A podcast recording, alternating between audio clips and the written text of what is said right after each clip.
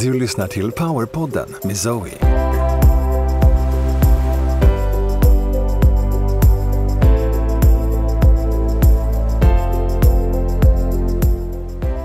Zoe är en av Skandinaviens ledande spirituella lärare.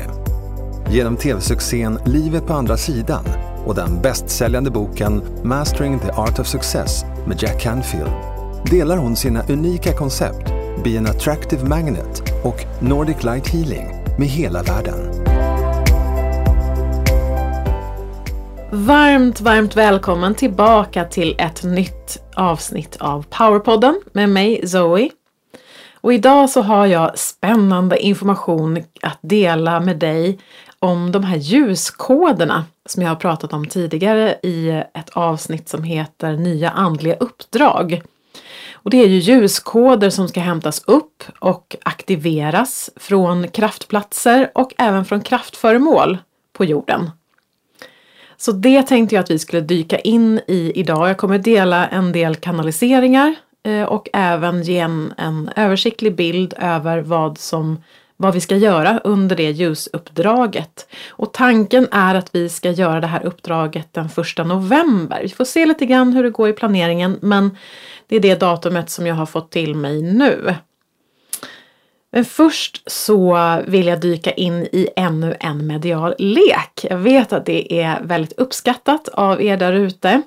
Där du får öva upp din medialitet med eh, olika, olika lekfulla övningar. Så idag ska du få känna in en kristall. Det är ju lite speciellt så här via eten och inte då live, att man får verkligen hålla fysiskt i den här kristallen eller kortet eller vad det nu är för någonting som vi känner in. Ehm, så att det är ju lite speciellt att inte, att inte göra det live så att säga. Men eh, vi jobbar på det här sättet för det går att öva upp sin medialitet även så här. Så bara stilla dig en stund. Bara landa i dig själv. Och har du möjlighet så slut gärna dina ögon. Du andas och kommer djupare in i dig själv.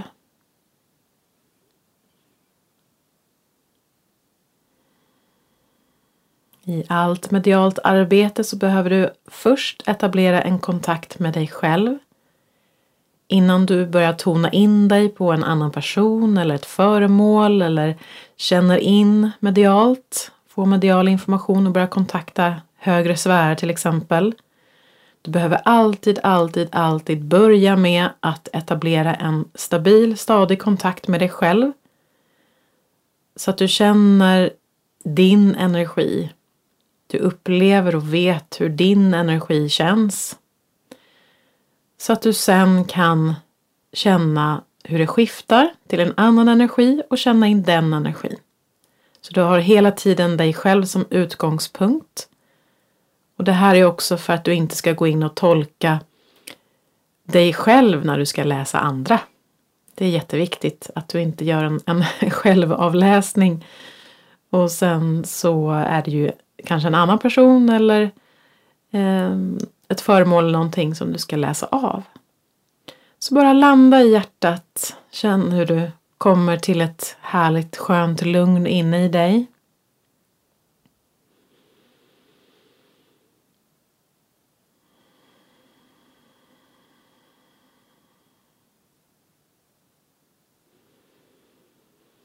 Känn hur andetaget kommer djupare i kroppen, kommer djupare ner i kroppen och verkligen Förankra dig, din närvaro i nuet. Pröva hur det känns att vända handflatorna uppåt. Just för att kunna känna in lättare. Så du fortsätter att andas och vara i ett lugn.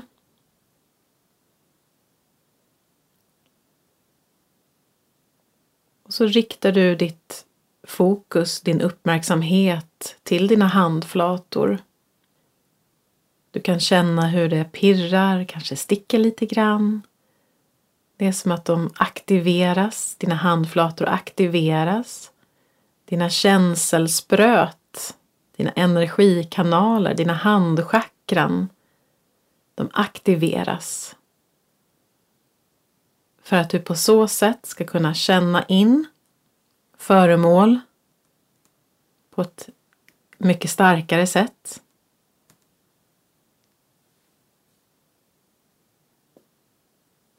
Så känn hur det pirrar i dina handflator. Och nu så tar jag upp en, en kristall och eh, håller den i mina händer mellan mina handflator. Så känn energin i dina handflator för den här kristallen. Känn hur det skiftar i energin när du inte hade kristallen. Du kan föreställa dig som att du tar den här stenen eller kristallen i dina händer, precis som jag gör. Du kan pröva att låtsas lägga ner stenen igen. Känna skillnaden och ta upp den igen mellan dina handflator. Bara känna energiskiftet. Du kan känna via eten på det här sättet. Jag vet att det går.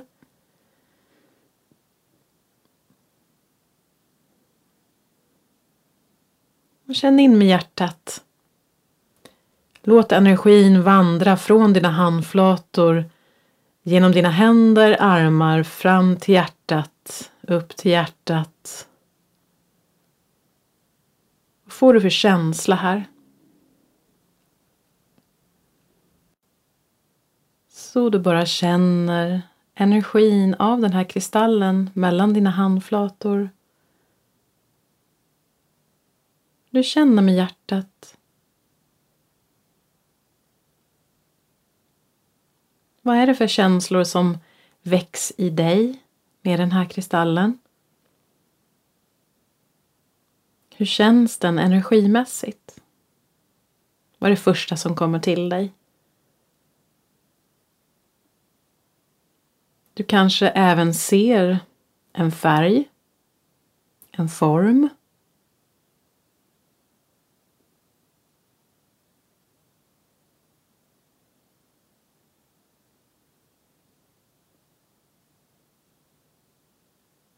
Bara anteckna det som du har fått till dig om den här kristallen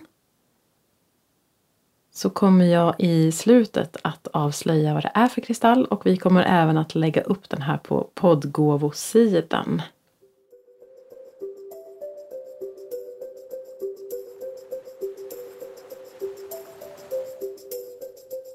Ja, det har ju verkligen rörts om i grytan när det gäller reningsprogrammet. Vi släppte ju reningsprogrammet nu här för ja, två, tre veckor sedan eller vad det är nu, två och en halv vecka sedan. Och vi har ju haft väldiga problem med bokningssystemet, har ni märkt säkerligen, och hemsidan. Och eh, man kan ju tolka det här på olika sätt och jag tror att det finns flera olika anledningar. Delvis så, så var det väldigt många som bokade in sig precis när vi hade släppt, där första veckan, första helgen.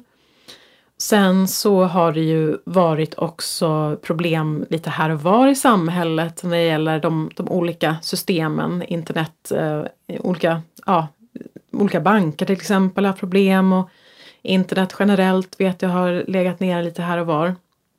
Och det kan ju bero på olika saker, delvis kan det ju vara energier också. Det är väldigt eh, väldigt kraftfulla energier som kommer in nu här till och från som vanligt. Så att det är klart att det blir störningar i eten på olika sätt. En annan aspekt som jag ser och eh, som jag har upplevt många gånger tidigare genom åren, det är ju att som för oss nu här, eller för mig, ehm, att bokningssystemet och hemsidan har lagt, eh, lagt av hela tiden och stängts ner det är ju också att det finns ju de inom citationstecken eh, som inte vill att vi ska genomgå den här kraftfulla reningen. Och det här är ju ett väldigt gott tecken såklart, för att det visar ju på att det här verkligen fungerar och hur kraftfull den här healingen är, hur kraftfull reningsprogrammet är.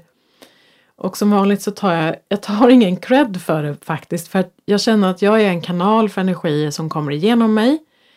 Och det, ja, det, det, är så och det är ingenting som jag lägger jättestor vikt vid att det är just jag som eller det finns vissa personer som är utvalda eller sådär. Jag vill bara nämna det, jag känner att det var viktigt just nu att nämna, nämna det utan att eh, man är som en kanal helt enkelt och det är ens uppgift. Det är min uppgift att vara kanal just för det här.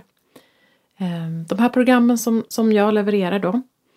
Men det här är ju ett gott tecken som sagt att det blir motstånd. För då är det ju någonting som vi verkligen, verkligen behöver och som eh, de mörka krafterna inte är så jätteglada över att vi genomgår. För det här innebär ju såklart att de förlorar ju greppet mer och mer. Ju mer vi renar oss och också kapar de här banden till de mörka krafterna på olika sätt. Genom att till exempel eh, stänga de här portalerna som jag har pratat om, de här mörka portalerna. Så innebär ju det att då stänger vi dörren till de mörkare dimensionerna och de kan heller inte komma in hit längre. Och det är klart att, att det är väldigt eh, eh, jobbigt för dem. så så, att, eh, så jag, jag förstår att det har blivit problem och det har blivit så här tidigare också. Så att jag, det är anledningen till att jag tolkar det just så här också. Man kan tolka det som sagt på flera olika sätt. Men att mörkret har ju försökt stoppa andra saker som jag har eh, gett ut till andra människor och eh, bland annat så var det de här DNA-aktiveringarna som jag gick ut med 2014 2013 så var, genomgick ju jag olika aktiveringar och sen så delade jag med, började jag dela med mig av de här DNA-aktiveringarna eh, på våren tror jag 2014. Och sen så kommer ju även i samband med det det här eh, kristallsmycket då 533 kristallsmycket som är programmerat med the golden frequency. Så allt det här hör ju ihop och det var ju ett enormt, en enormt stor eh, mörkerattack som jag och mina dåvarande ska jag säga, ljusvänner blev utsatta för. Tjata lite grann om det här känner jag, jag har nämnt det vid flera tillfällen men, men det är en, eh, en, en viktig vändpunkt också för mig i mitt liv där jag lärde mig att verkligen tanka ner så mycket ljus för att trycka ut de här eh, mörka entiteterna. Och det var det som, som, det var där som jag lärde mig det och det är det som jag också förmedlar i reningsprogrammet som en sista punkt där, en sista video, att du verkligen lär dig att, att vara ditt beskydd, att tanka hem och vara och aktivera ditt ljus, det här starka, starka ljuset som vi alla har möjlighet att, att ha tillgång till och vara. Och på så sätt så strålar man ut det och kan hålla, hålla mörka entiteter borta. Så att det var ju en viktig process för mig som jag genomgick men det var också väldigt, väldigt jobbigt. Men jag har mycket erfarenhet kring de här bitarna. Och det är också därför jag kan förmedla eh, just reningsprogrammet för att jag vet vad det finns för olika möjligheter för dem att eh, störa oss på olika sätt. Och det här stör ju våran, våran utveckling, våran själsliga utveckling och uppstigningen. Så det är därför som jag har blivit ombedd att göra det här programmet av mina guider där uppe. Sen var det ju även Cosmic Language. När jag släppte Cosmic Language där 2020 så var det också ett eh, väldigt motstånd från de mörka krafterna och de försökte också stoppa det. På samma sätt så har det även varit mycket motstånd kring 21 dagars healingarna. Det har varit de senaste åren ehm, och vissa även innan som till exempel egyptiska koder. Där var det också på olika sätt då som, som eh, arbetet blev försökt, de försökte stoppa arbetet, att de försökte stoppa att det skulle ut på olika sätt. Och har de, har, oftast går de via andra personer, så de kan inte gå direkt på mig utan de går på människor runt omkring mig. Och det är där som, som det, de skapar problem och oreda eh, så att det ska bli en fördröjning eller stoppas på olika sätt.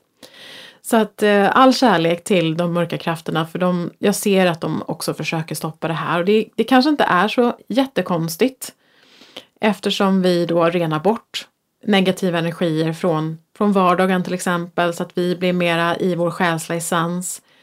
Så då från personer och från platser som vi tar upp i, i, ja, på jobbet eller hemma eller så. Och sen de här mörka portalerna, att vi stänger dem och stänger ute de mörka krafterna där helt enkelt och mörka entiteter som har klamrat sig fast i våra energisystem. De vill ju självklart hänga kvar. Så det är klart att de känner sig väldigt desperata för det. Um, och att vi även då tar bort implantat eller chip och förbannelser, besvärjelser är ju inte heller kanske populärt bland de mörka dimensionerna för de vill ju hålla oss nere. Det är det de vill göra. Eh, och att ta bort initieringar som vi även gör i programmet också.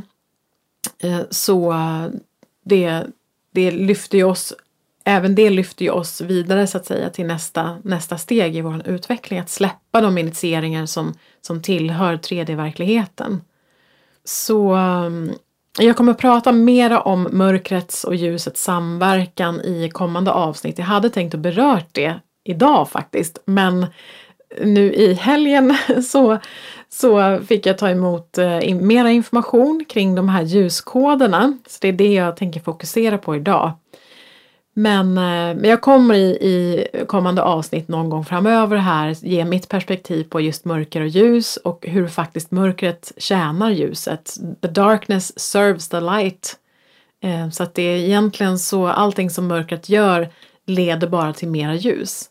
Så att det, ja, jag kommer att gå in på det lite, lite mer sen, senare. Men är det så att du har haft problem att boka in dig så vill jag bara nämna det att eh, försök igen eller så mejlar du till oss och så får du, får du assistans där på hur du, kan, hur du kan boka in dig eller så hjälper vi dig manuellt att boka in dig. Så det, det löser vi på något sätt.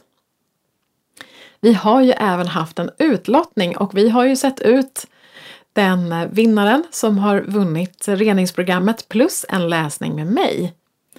Så eh, det ska bli jätteroligt att få göra den här läsningen. Jag ser verkligen fram emot det. Så vi har gått ut med, eh, med vinnaren i sociala medier och i ett separat mejl till er som har varit med i utlottningen och även då i nyhetsbrevet här så, så har vi gått ut med vem som har vunnit. Så jag säger inte det här, men eh, vinnaren är utsedd i alla fall. Och även om reningsprogrammet inte officiellt har börjat ännu så är det ju så att det redan har börjat hända grejer för de som har bokat in sig och det brukar ju vara så men jag blir faktiskt varje gång lika förvånad därför att det är så otroligt kraftfullt då att det börjar hända grejer då när folk bokar in sig. Att det redan där börjar hända saker, reningsprocessen påbörjas när man har bokat och betalt. För det är på något sätt att då har man sagt ja till universum att ja, jag vill rena mig och det är det här som, det är det här som jag vill genomföra. Eller genomgå. Och vid den tidpunkten så var jag inte ens klar med klippningen av redigeringen av de videos, reningsvideosarna som jag har spelat in. De var inspelade men inte, inte klippta och programmet är inte släppt överhuvudtaget. För vi börjar ju tillsammans den 24 oktober. Eh, men sen kan man ju ta programmet när man vill såklart och signa upp sig på det. Men det är ju så fantastiskt att det redan har satts igång och eh, tänkte jag skulle dela med mig av några stycken i alla fall som har mejlat in. En kvinna skriver så här. Jag lyssnade på introduktionsvideon inför reningsprogrammet och av att bara ta emot healingen på slutet så hände det grejer. En stor svart klump togs bort på vänster sida. Wow, vad jag ser fram emot detta! Så härligt! Och det är ju många som har skrivit in och även i eh, eh 21 dagars Facebookgruppen där så med starka utrensningssymptom då som har känt av att det verkligen händer saker som att man blir yr och illamående och så vidare. Självklart är det ju andra energier hela tiden i omlopp så det är svårt att veta vad som är vad men det har varit väldigt starka saker som har hänt. Som jag kommer att gå igenom så småningom när jag, när jag återkopplar i programmet. Men det är en kvinna här som har skrivit in två mejl som är väldigt intressanta som jag gärna vill läsa upp. Hej! Jag har anmält mig till reningsprogrammet och jag gjorde det bara några minuter efter att ni släppt det. Det har redan satt igång för mig och jag märkte igår att vid hjärtmeditationen att jag krampade och skakade, vilket jag inte gör annars. Jag gjorde ljusmeditationen, det är samma sak där. Jag kände mig dragen till alla meditationer vid vårens eh, 21 dagars healing som till exempel kristallkammaren, nollpunktsenergin etc. Jag tänkte göra dem alla men det blev bara de nämnda. Skakningar och krampande blev mycket intensivare än vad jag någonsin upplevt. Teamet är med mig och jag upplever att jag helar och transformerar mörkret till ljus. Exakt vad det är eller var det kommer ifrån vet jag inte om det är mitt eget mörker eller någon annans. Jag ser på det med kärlek och det är en viktig del i processen. Mellan skakningar och kramper eh, pratar jag cosmic language. Jag har likt en spira eller stav i handen som jag bankar rytmiskt i marken medan jag sjunger på cosmic language. Teamet sjunger med mig och det verkar vara som en ritual. I morse gjorde jag kristallkammaren och det var som att jag hade en, ett intensivt träningspass. Får till mig att det är superviktigt att jag sätter mig själv först i, sätter mig själv först dessa veckor för att orka, speciellt veckan som kommer. Jag slår ut med händerna mot himlen och ropar Jag antar utmaningen. Oh, och det är så härligt att läsa det här för det är en sån dedikering och jag känner det från så, så många av er och jag känner igen mig i det faktiskt i mig själv också. Vi är så dedikerade till att rena oss och höja vår vibration och vi gör allt för det och det, det är så fantastiskt med den här dedikeringen för den är, den är viktig. Samma kvinna skriver så här också. Hej! Igår kväll hände något märkligt. Något jag aldrig gjort tidigare. Igår kväll fick jag starkt till mig att göra ljusmeditationen. Jag sätter mig ner, blundar och lyssnar till introt till meditationen. Jag slutar lyssna och mitt inre börjar prata cosmic language. Det är bestämt, uppmanande och nästan lite aggressivt. Jag skriker ut på cosmic language och jag kallar ner ljuset till jorden. Jag ser tre meteorliknande ljus fara genom rymden, oklart hur långt ifrån jorden de är. Syftet är att träffa jorden och höja frekvensen ytterligare. Det är ljusgrönt ljus, kryptonitljus och det är kraftigt. För att rensa ut mörkret på jorden. Det kommer bli kaos, men för ett högre syfte är så fantastiskt. Jag blev så betagen av det här mejlet när jag läste det första gången och även nu. Jag känner sån otrolig kraft och jag, det är ju så att vi, som att vi hjälper varandra att komma tillbaka till våran kraft. Att det här aktiverades i den här kvinnan att kalla ner ljuset. Eh, demanding säger man på engelska, jag hittar inte riktigt en översättning där, men verkligen att, att bestämt beordra ljuset ska ner här nu. Att med hela hand, peka med hela handen eller hela armen. Att verkligen eh, ja, demanding. Jag har jobbat med den energin att eh, liksom verkligen kräva på något sätt en, eh, en förändring. Att jag bestämmer. Jag är väldigt, väldigt bestämd i vissa saker just när man jobbar med ljuset och det kan upplevas lite aggressivt nästan. Så jag förstår att det, det kan kännas lite, lite ja, nästan på gränsen till, till aggressivt. Men det är en viktig energi där att, att vara så bestämd med att det är samma sak när man kliver in i sitt eget beskydd och kallar hem ljuset i sig själv. Att nu är jag eh, ljuset och jag trycker undan mörkret. Att vara så kraftfull i, i sin eh, bestämdhet där så att säga. Ja, men underbart att läsa. Tack snälla för att ni delar med er. Det kommer mera. Det kommer att komma väldigt mycket. Jag har en känsla att det, det här, ja, det, det är mycket på gång i och med det här reningsprogrammet. Jag är så tacksam att vi gör det här tillsammans för att det här skulle jag aldrig kunna göra på egen hand utan vi gör det för att eh, jag har fått frågan och för att Ehm, det är det som behövs såklart och vi hjälps åt i den här processen. Så fantastiskt! Vi renar ju oss själva, vi ren, hjälper ju att rena upp överhuvudtaget. För ju mindre eh, de mörka krafterna har någonting att fästa i, desto svagare blir de. Så att det här är ju ett steg i att försvaga de mörka krafterna, att verkligen kliva in i ljuset. Så fantastiskt, verkligen. Tusen, tusen tack för eh, de mejl som har kommit in som jag har läst upp här. Det var ett litet axplock.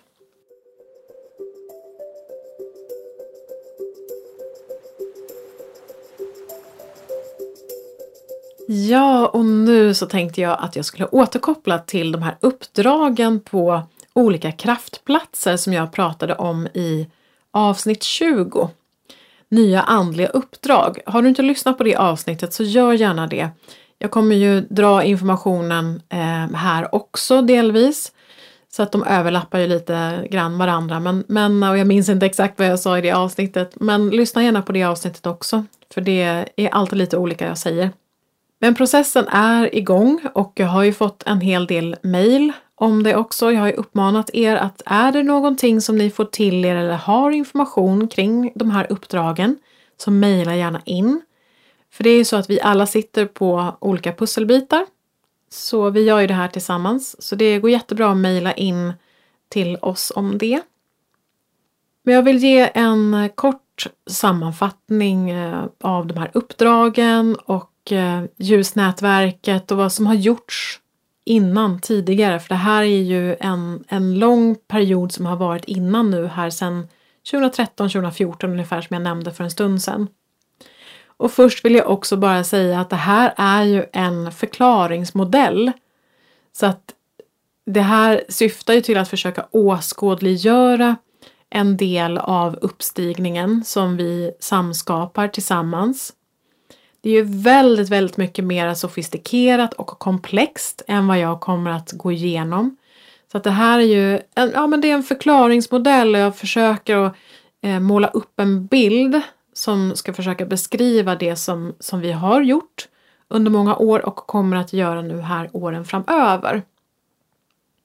Men 2014 då, jag tar det igen, men 2014 så fick jag ta emot eh, eh, olika DNA-aktiveringar. Jag fick mitt DNA aktiverat genom olika ljusarbeten eller ljusaktiveringar. Och det är ju de här som jag har delat med mig av sedan dess. Olika DNA-aktiveringar som jag har delat med mig av, bland annat då ljusnyckeln och Atlantiskoderna. Och sen är det the golden frequency som är inprogrammerade i de här 533-kristallerna som, som jag har. Och det här började ju ske då 2013 som sagt att jag fick ta emot de här DNA-aktiveringarna först och sen så 2014 gick jag ju ut mer offentligt. Jag var runt i landet och eh, delade med mig av den här ljusnyckeln genom handpåläggning faktiskt. Och överförde de här ljuskoderna till, till eh, personer. Och sen så gjorde jag den här ljusnyckeln även Eh, på nätet. Så att nu kan man ta emot den eh, via, via en video som jag har spelat in. För jag insåg att det var må många, många fler som skulle ta emot de här DNA-aktiveringarna. Ljusnyckeln gillar jag väldigt, väldigt mycket. Jag gillar de andra också, men, men eh, den gör så att vi tänder upp den delen av DNA som säger att vi inte får visa ljuset. Så att vi har ju gått med på, vi har ett kontrakt som säger att vi får inte visa ljuset för att det har varit så under en viss period. Men nu sedan många år tillbaka så får vi ju gå ut och visa ljuset, vi får kliva in i vår kraft. Och det är många som har ett hinder här om man till exempel har varit med i häxprocesser och blivit bränd på bål och sådana saker. Så har man en sån programmering som säger att jag får inte visa ljuset igen. Så ljusnyckeln är väldigt viktig just i den aspekten, jag ville bara nämna den. Sen är, sen är det de här Atlantiskoderna och the golden frequency som ni jättegärna får läsa mer om på hemsidan under DNA-aktiveringar. Det är alldeles för mycket att gå igenom just här. Men i och med de här DNA-aktiveringarna och många andra ljusarbeten, aktiveringar som har skett eh, runt om på jorden via andra ljusarbetare som jag delvis känner och absolut inte känner, några som jag inte har träffat som finns på andra sidan jordklotet. Så det som vi tillsammans har gjort är ju att etablera det gyllene ljusnätverket. Det är alltså en, en grid, ett nätverk av ljus, av energi som kodar för den nya jorden. Det är mallen för den nya jorden. Och det är ju så att energi är ju mallen för den fysiska verkligheten. Så den fysiska verkligheten, materien, rättar sig efter energin. Energin är alltid starkare än materien. Så det vi har gjort då tillsammans är att skapa en ny mall för den nya jorden. Det här är som sagt en enkel förklaringsmodell. Vi är många inblandade, både ljusarbetare, starseeds, vad man nu vill kalla oss för, och även då andra ljusvarelser från de högre sfärerna, från andra civilisationer. Det är jättemånga involverade och det är ett eh, väldigt komplext och sofistikerat eh, arbete som har genomförts och det är omöjligt att få en översikt härifrån, från den här dimensionen. Så jag brukar kalla det här för eh, det gyllene ljusnätverket för att åskådliggöra det hela. Och i det gyllene ljusnätverket så har det ju tankats ner eller tankats in olika ljuskoder. Och det här, jag kallar det för the golden frequency. Sen så kan det ju såklart även finnas andra smaker, flavors av andra, andra koder och så. Och det är ju de här nya ljuskoderna nu som vi ska hämta upp och aktivera på olika kraftplatser och även från kraftföremål runt om på jorden.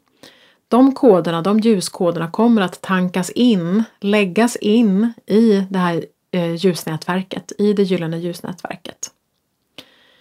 Så alla har ju gjort sin del och gör sin del i det här arbetet genom att eh, fylla nätverket då med olika koder. Så vi har hjälpts åt att skapa nätverket på så sätt och höja frekvensen av det och tanka in ny information med hjälp av de här koderna. Och det är ju de här eh, kristallsmyckena då, 533-kristallen, som hela tiden har uppgraderats. Ni som har haft det från början och fram till nu har ju säkerligen märkt också att energin har skiftat. Så när du har varit beredd att ta emot fler koder så har det uppgraderats och också när det har lagts in flera koder i ljusnätverket så tankas det även över då till smyckena, till kristallerna. Det är så de är kopplade till varandra.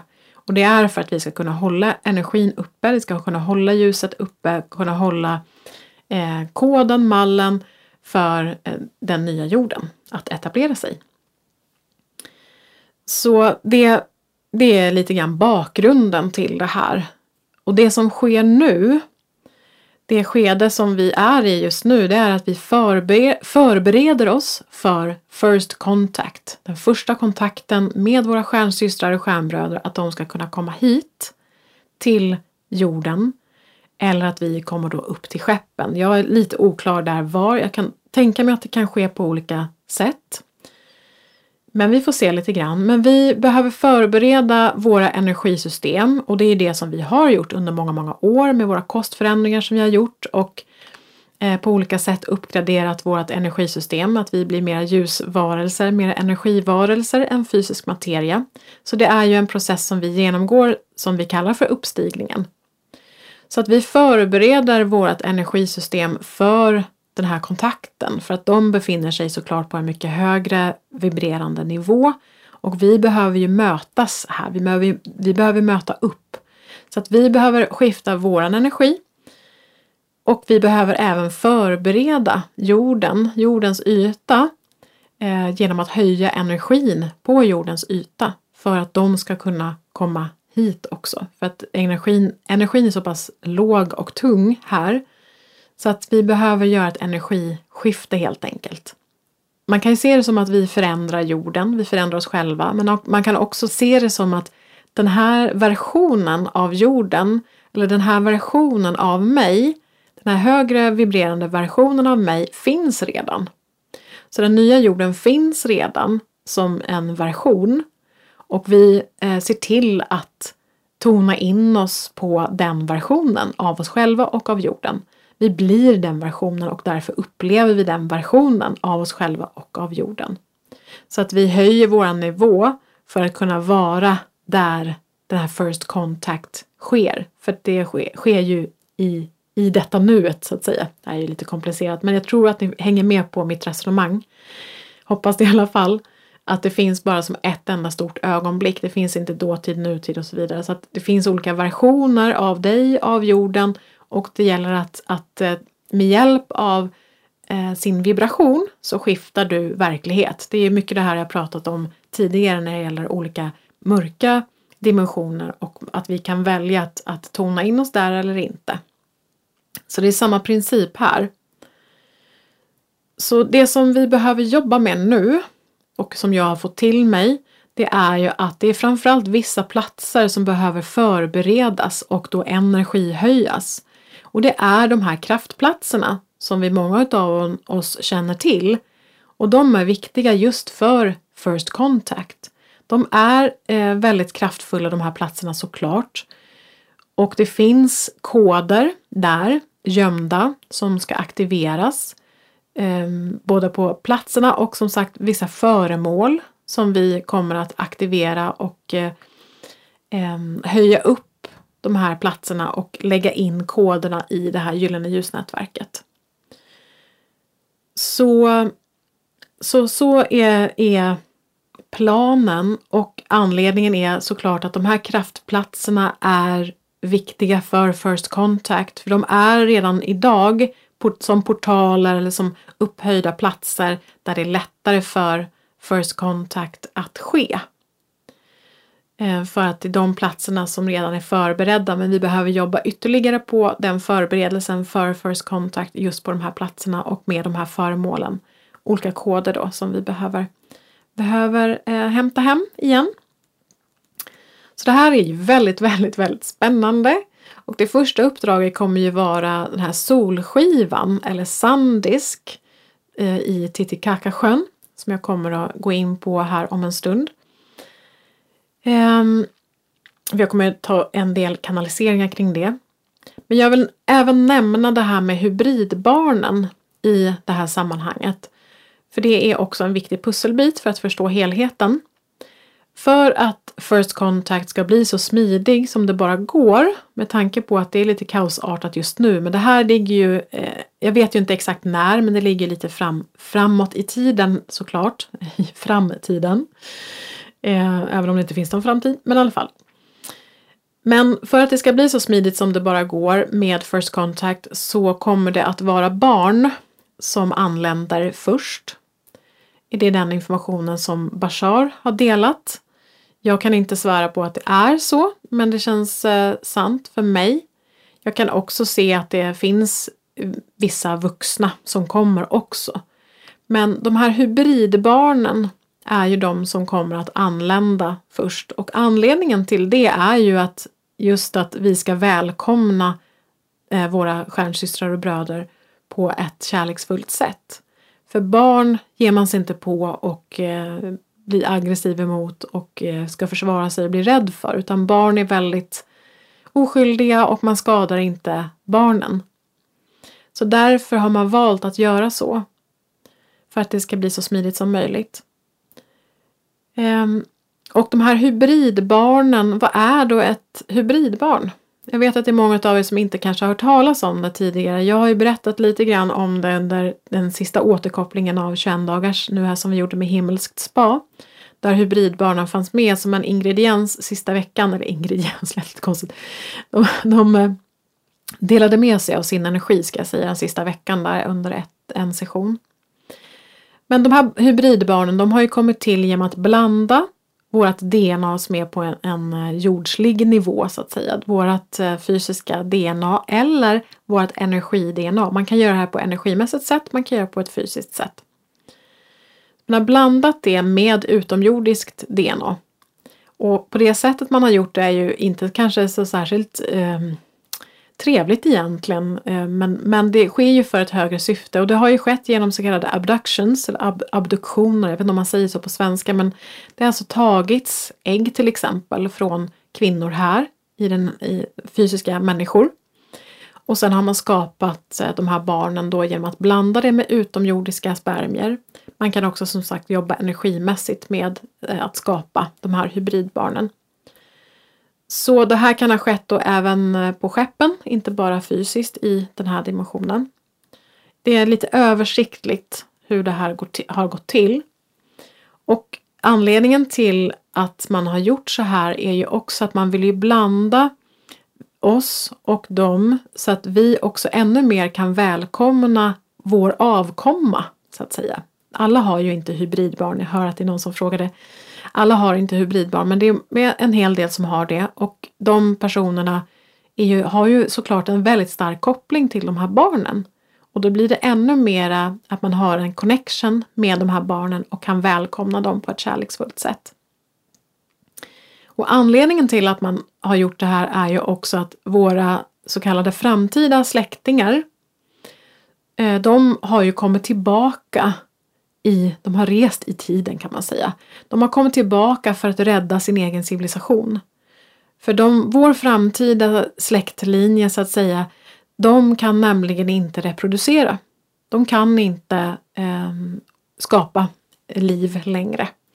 Så de har kommit tillbaka från den tidslinjen där, som, som har lett till dest, destruktion, destruction. Eh, så det gick inte så jättebra på den tidslinjen och den tidslinjen känner vi ju igen för den ser vi ju nu idag med allting som sker i samhället och det som har varit i den här C-cirkusen och alla injektioner och eh, med eh, populationssänkning och att man vill minska populationen och så vidare från den mörka sidan. Så det man har gjort är ju att man har då kommit tillbaka från framtiden för att göra om, göra rätt helt enkelt och ställa saker och ting till rätta. Så den, den tidslinjen som, som sker till att vi inte kan reproducera längre, den är aktiv just nu, den finns så att vi kan se den. Men eh, de här eh, våra, våra släktingar och framtidssläktingar kommer tillbaka för att eh, de inte längre kan reproducera och också göra om historien. Så det är det som, som, eh, som sker med de här barn, barnen, hybridbarnen. De här barnen är helt fantastiska. De, jag har kontakt med några och de är väldigt hög, högt utvecklade. Jag fick, en, eh, fick ta emot information nu här i somras och jag minns inte vad det handlade om. Om det var fri energi eller om det var någonting annat. Jag får gå tillbaka och titta lite grann. Men de är verkligen ren kärlek och rent ljus. De är så högt utvecklade och samtidigt är de ju mänskliga på ett sätt. De ser ju väldigt mänskliga ut, med lite större ögon har de. Men annars så ser de väldigt mänskliga ut. Och det som sker just nu är att de tränas uppe på moderskeppen för att kunna klara sig här nere på jorden vid ankomsten. Men de kommer ju att tas emot i de här områdena då för de här kraftplatserna i, i eh, inte kanske exakt på kraftplatsen såklart, men, men i de områdena runt omkring Just för att energin där är gynnsam för dem från den miljön som de kommer ifrån så att säga. Eh, och det är också vi som, det är det vi ska göra, att vi ska höja energin på de här kraftplatserna. Och generellt på jorden också blir det då självklart. För att skapa den här gynnsamma energin för de här hybridbarnen att kunna anlända. Jag förstår att det här är lite far out information för många av er men jag känner att nu var det dags att dela det här. Eh, jag har hållit på det ett bra tag men jag känner att nu är det dags att ta, att ta nästa steg och också se, ha en framtidstro eh, bortom allting som sker nu i det här kaoset som fortfarande pågår på jorden för det är väldigt, väldigt kaosartat. Så att vi kan se bortom att det här är i, i horisonten, det här kommer och, och att vi förbereder för det. Sen vet ju inte jag exakt hur saker och ting kommer att, kommer att te sig. Det här, mycket av informationen kring det här med hybridbarnen kommer ju från Bashar. Jag vill bara nämna det igen, så det är inte min egen information som jag själv har, har eh, tankat ner eller kanaliserat. Jag känner att det är viktigt att vara, vara öppen där med vad som är vad.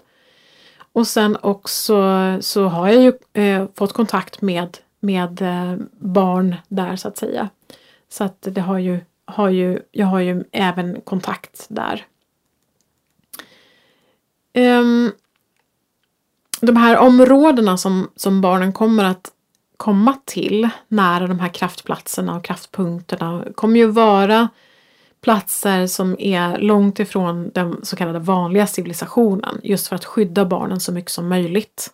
Det är inte så att de kommer komma ner på Sergels torg i, i Stockholm och ska försöka anpassa sig eh, där utan det kommer att ske på avskilda platser och säkerligen inte offentligt till en början. Utan det här kommer ske, det här är min känsla, att det här kommer ske eh, inte bakom lyckta dörrar på något sätt, men det kommer ske i avskildhet. För att barnen behöver ju ha tid på sig att akklimatisera sig och, och att energin behöver höjas ytterligare för att eh, innan vi kan gå ut mer och mer offentligt att det här har skett. Så att eh, akklimatiseringen är ju i fokus och sen så kommer det smygas in i samhället på olika sätt. Jag ser ju inte de här barnen direkt gå i skolan, att de sätter sig i skolbänken. Men vi får se lite grann hur det kommer att te sig och vilken uppgift det, det, de har i, i just transformationen av våra olika system. Så det vi ska göra då, nu blev det en lång utläggning här, men det vi ska göra det är att vi ska hämta upp de här ljuskoderna, aktivera ljuskoderna. Vi ska göra energiresor, så vi ska inte resa fysiskt till de här eh, kraftplatserna. Utan vi kommer att resa eteriskt genom att jag vägleder i en meditation. Eh, jag brukar kalla dem för healing meditationer för att det är både meditation där man reser och sen även är det healing eller det är koder i det här fallet aktiveringar som du får ta emot. Så det här är ju på ett sätt ett ljusarbete men det är också att du själv får ta emot såklart de här ljuskoderna som vi aktiverar och hämtar upp på de här kraftplatserna så att du integrerar de här koderna i dig och på så sätt också sprider ut det i nätverket och på jorden. Så att vi blir som de här ljuspelarna, som eh, vandrande ljuspelarna som, som hjälper till att höja frekvensen. Så det är det som vi behöver göra. Ehm, just att, att eh, inför First Contact och inför de här landningarna så att säga, eller att ankomsten av hybridbarnen. Vi planerar att göra den här första energiresan nu i höst. Och vi kommer ju att gå ut med det i nyhetsbrevet, på hemsidan och i sociala medier då när det är dags. Så håll utkik där helt enkelt.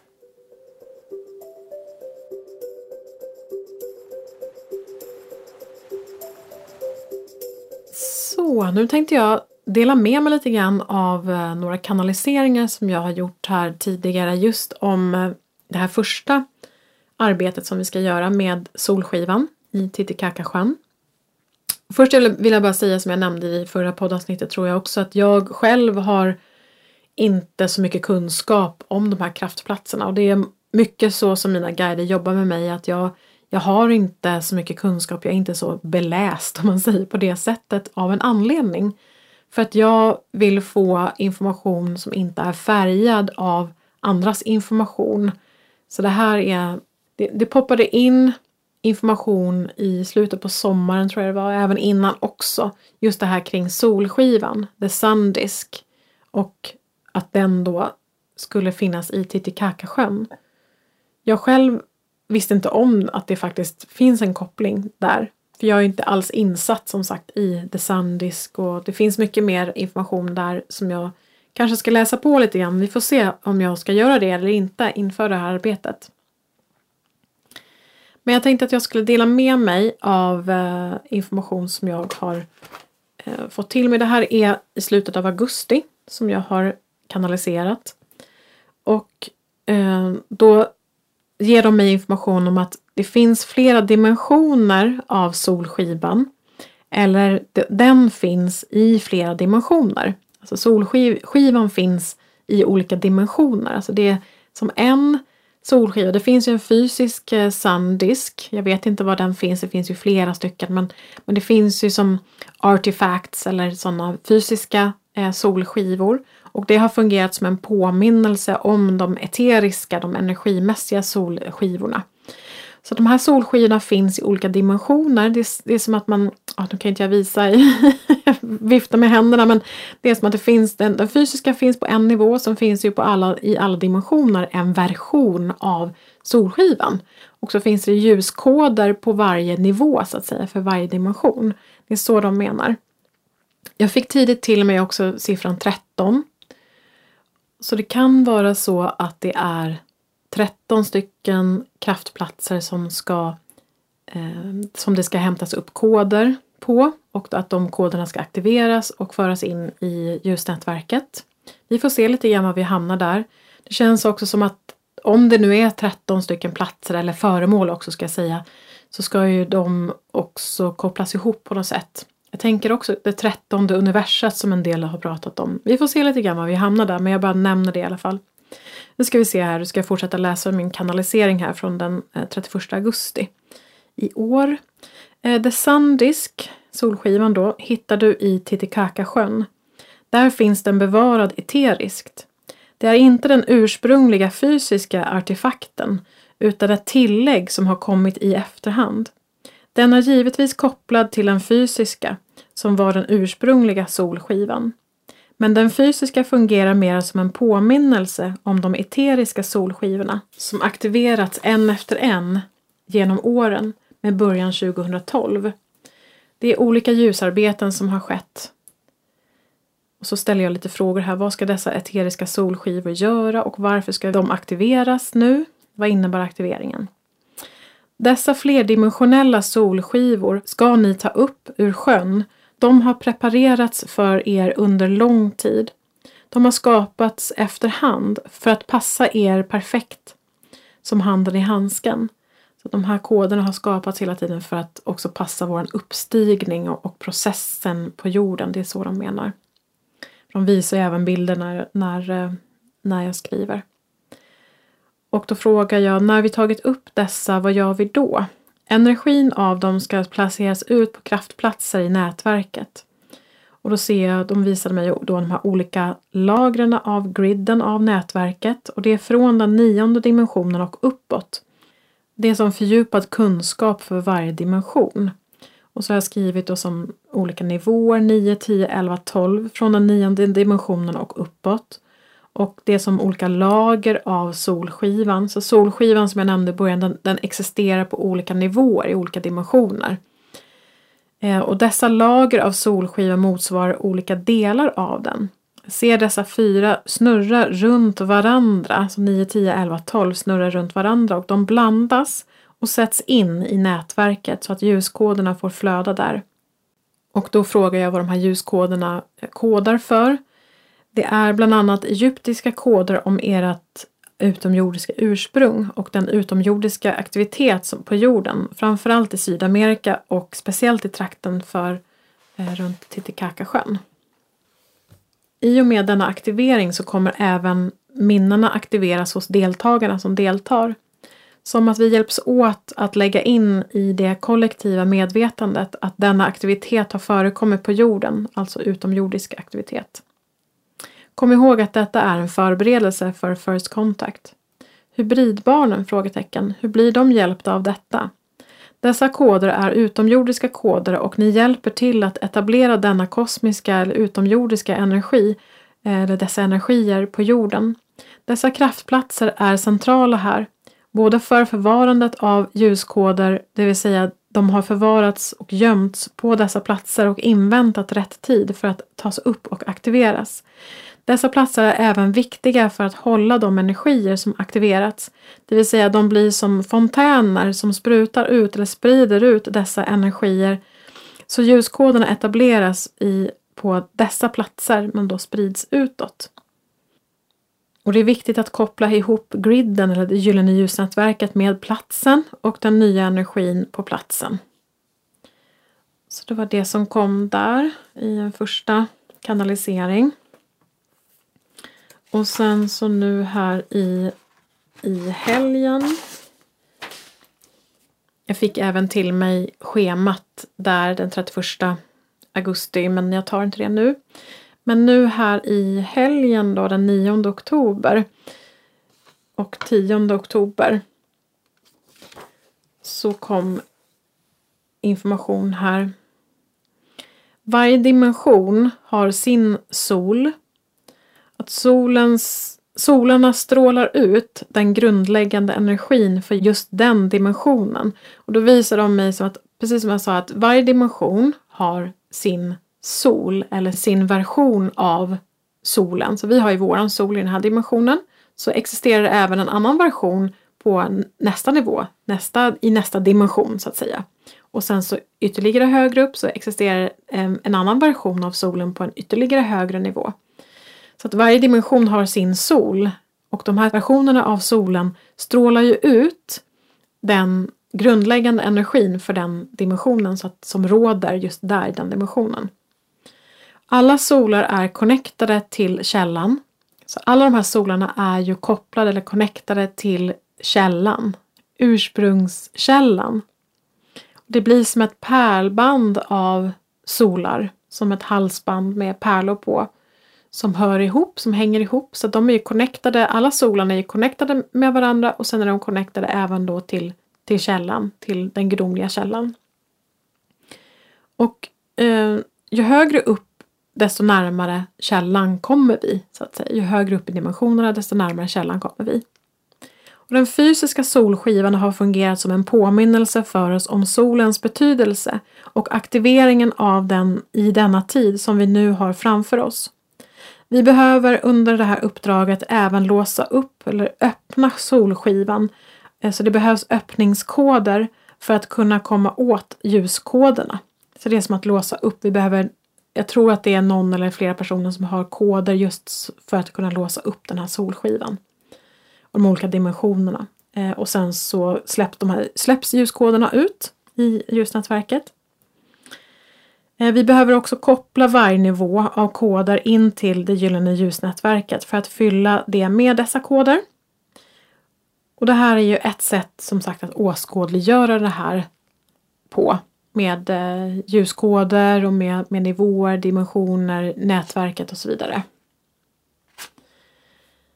Ja, nej men det var den informationen som jag ville dela idag kring det uppdraget och håll utkik som sagt i sociala medier och i nyhetsbrevet där vi kommer att gå ut med lite mer information kring de här ljusarbetena eller ljuskodshämtningarna. Jag vet inte riktigt vad jag ska kalla dem för på de här olika kraftplatserna. Jätte, jättespännande. Jag ser verkligen, verkligen fram emot det här.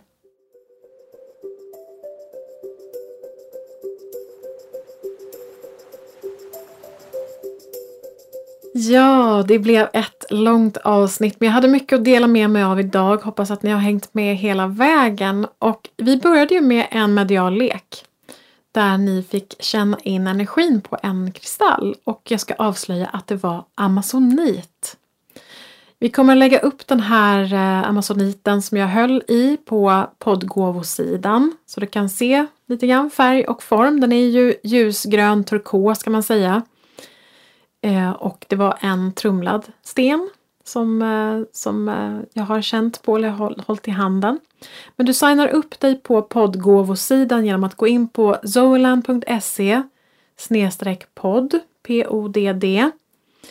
Så där eh, signar du upp dig på att eh, få ta del av de här poddgåvorna som är till varje avsnitt. Lite olika eh, saker som jag har pratat om under avsnittens gång.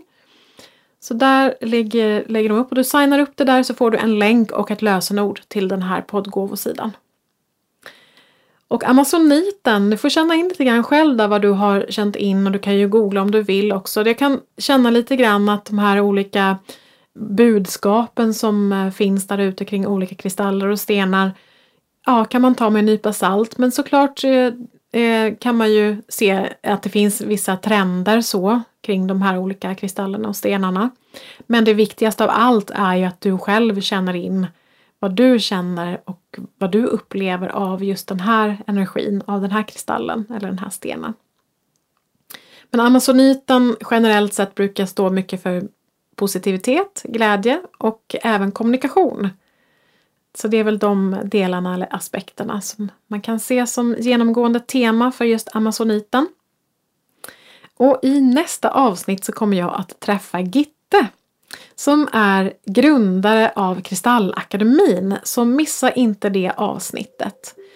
Och ha det så jätte, jättebra tills vi ses och hörs igen. Stor kram till dig. Hej då!